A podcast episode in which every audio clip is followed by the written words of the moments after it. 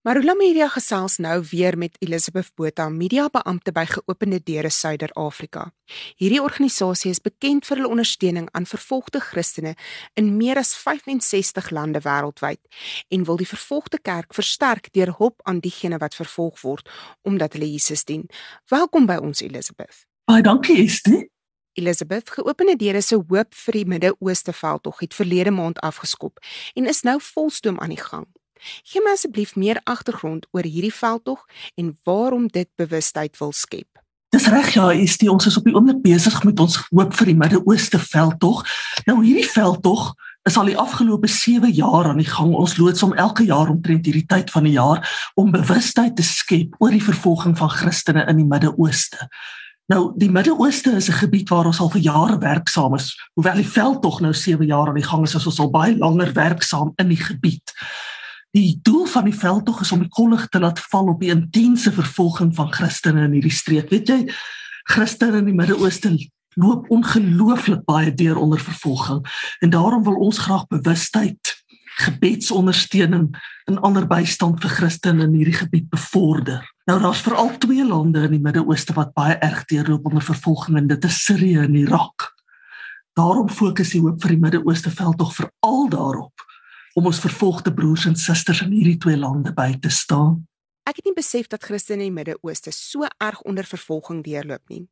Kan jy my meer vertel oor hoe presies gelowiges in hierdie streek vervolg word en watter lande veral erg daardeur geraak word? Ja, sekerlik, weet jy, in Sirië spesifiek is meer as die helfte van die inwoners die afgelope 11 jaar ontwortel en dit word toegeskryf aan die feit dat die land sedert 2011 in 'n burgeroorlog gewikkel was. Meer as 6 miljoen mense het die land al as vlugtelinge verlaat, terwyl nog 6 miljoen in hul eie land ontwortel is. Nou ongelukkig staar Christene teen hierdie agtergrond van moeilike omstandighede die ergste swaar kry en vervolging in die gesig. En dit alles net omdat hulle gelowiges is wat die Here dien.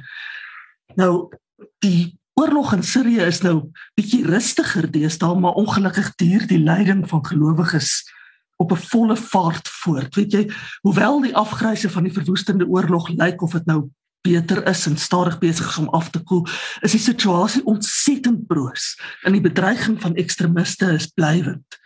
Die kerk is egter 'n baken van hoop wat help om hoop lewendig te hou terwyl gelowiges deur islamitiese ekstremiste geteken word.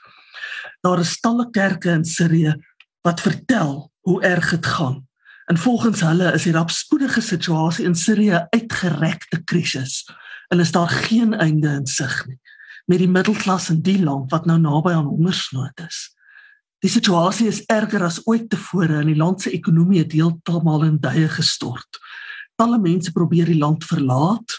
Talle gesinne wat in kerke is, verlaat die land dit veroorsaak dat die kerk baie swaar kry want hulle loop leeg omdat gesinne die land verlaat.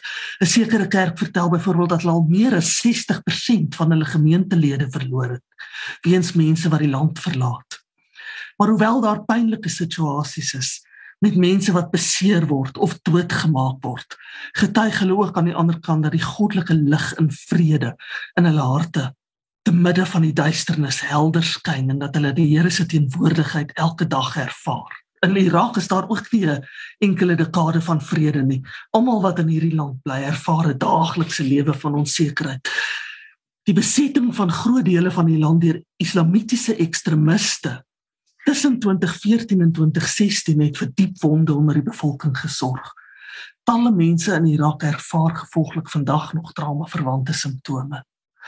Christene wat saam met die oorlog ook vervolging en ontworteling in die gesig staar, is dis geen uitsondering nie. In die ekstreme visie van ISIS is daar geen plek vir Christene nie. En gevolglik moet duisende gelowiges daagliks van hulle huise wegvlug. Die wat bly, word doodgemaak of gevange geneem. Nou ISIS se beheer is in 2016 in sekere dele omvergewerp en baie Christene keer nou terug, maar dan vind hulle dat hulle huise en kerke heeltemal verwoes is en dat daar basies niks oor is nie. Sjoe. Ek kan myself nie voorstel hoe moeilik dit vir Christene in die Midde-Ooste moet wees om hul geloof uit te leef terwyl hulle voortdurend in vrees leef nie. Kan jy dalk die getuienis deel van 'n Christen in die Midde-Ooste wat vervolging ervaar? Ek dink onmiddellik aan die verhaal van Feriel. Nou Feriel is 'n 52-jarige vrou wat in Sirië bly. Stel jouself nou die volgende toneel voor. 'n Groep dames sit, hulle maak hulle Bybels oop, hulle begin lees. Al die vroue in die sitkamer wat daar sit en Bybel lees, volg in hulle eie Bybels. Feriel is een van die vroue. Sy glimlag breed want sy voel asof sy land strome lewende water is. Nuwe strome lewende water omdat sy ontwortel is. Haar situasie is baie meer uitdagend as die lewe waaraan haar gesin gewoond was. Maar sy getuig dat sy nou diep innerlike vrede ervaar. Nou hierdie prentjie is die situasie waar Feriel op die oomblik is nadat sy ontwortel is. Feriel en haar gesin het in die stad Aleppo gewoon. Sy het saam met haar man Gandhi en hulle twee kinders Anna Maria en Oannes daar gewoon toe die oorlog uitgebreek het. Maar hulle moes hulle huis verlaat. Hulle moes 'n nuwe lewe in 'n ander stad begin weens die ewige gevegte, bomaanvalle en vernietiging. Feriel vertel dat hulle elke dag in die badkamer gaan wegkruip terwyl die bomme oor hulle huis vlieg en terwyl hulle die geluide hoor van ontploffings en 'n geskietery en mense wat skree om hulp en aangeval word, hulle het voortdurend vir hulle lewens gevrees. Nou, Oannes, Anna Maria, die twee kinders was so bang dat hulle gedurig by hulle ma moes wegkruip en baie dae het hulle nie eers water gehad om te drink nie. Nou gelukkig het Gandhi intussen 'n werk gekry in 'n naburige of nie naburig nie, 'n ander stad in Sirië, Latakia. Nou Latakia word as die veiligste streek Sirië gesien. Die gesinne toe nou na Latakia verhuis nadat hy daar werk gekry het.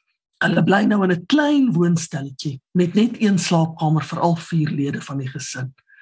Feriel vertel dat sy egter kan voel dat haar kinders veilig en beskik teen die oorlog is.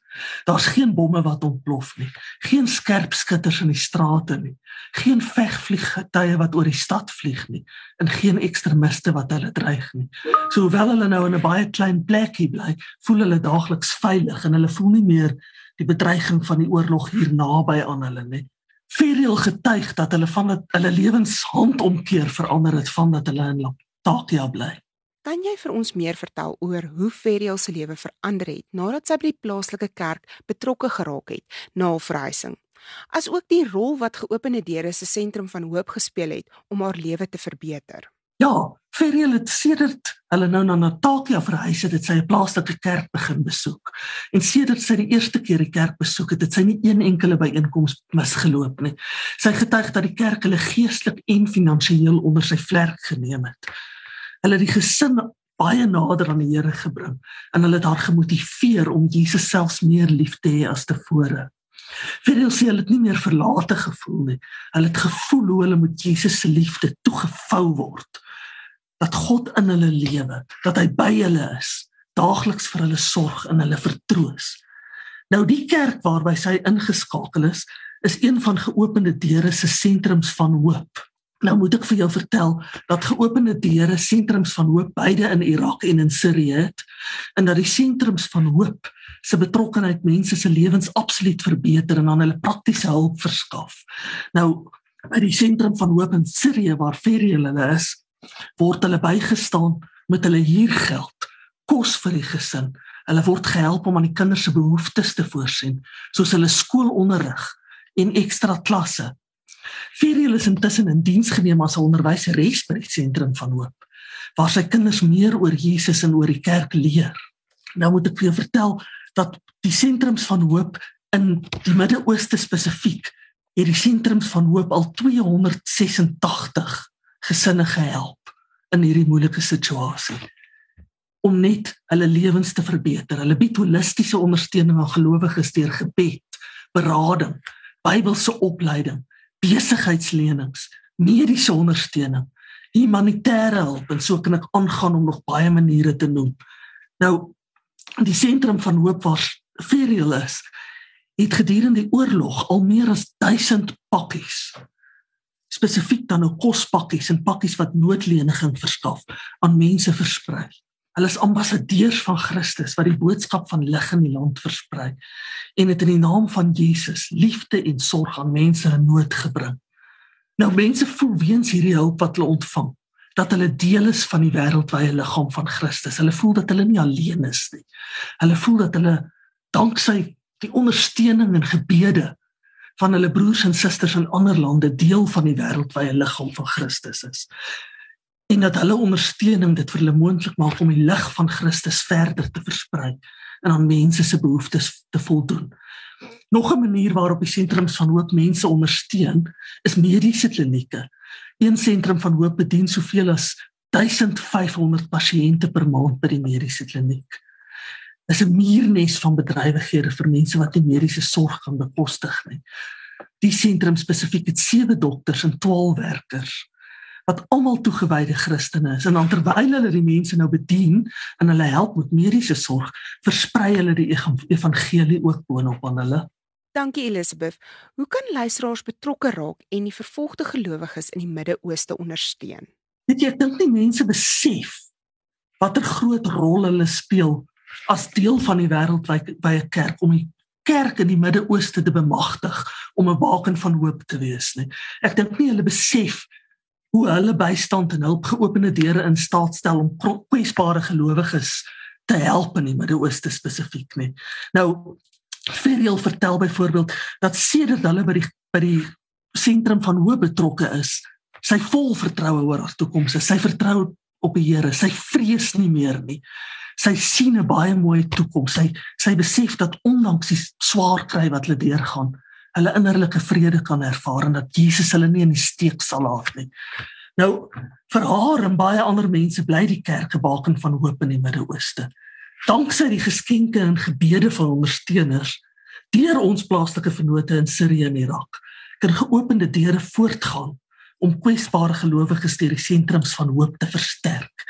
Nou geopende deure het op die oomblik 'n veldtog wat aan die gang is as deel van die hoop vir die Midde-Ooste veldtog ons noem dit die miljoen gebede veldtog. Deur hierdie veldtog kan mense dan basies deel word van hoop vir die Midde-Ooste. Hulle kan geopende deure se webtuiste besoek by opendoors.org.za. Ek noem hom net weer opendoors.org.za om te registreer vir die 1 miljoen stemme in gebed veldtog. Nou die 1 miljoen stemme in gebed veldtog se doel is om die wêreldwye familie van God te mobiliseer en 1 miljoen mense wêreldwyd te kry om vir die kerk in Sirië en Irak te laat te bid om hoop in hierdie gebied te laat voortduur.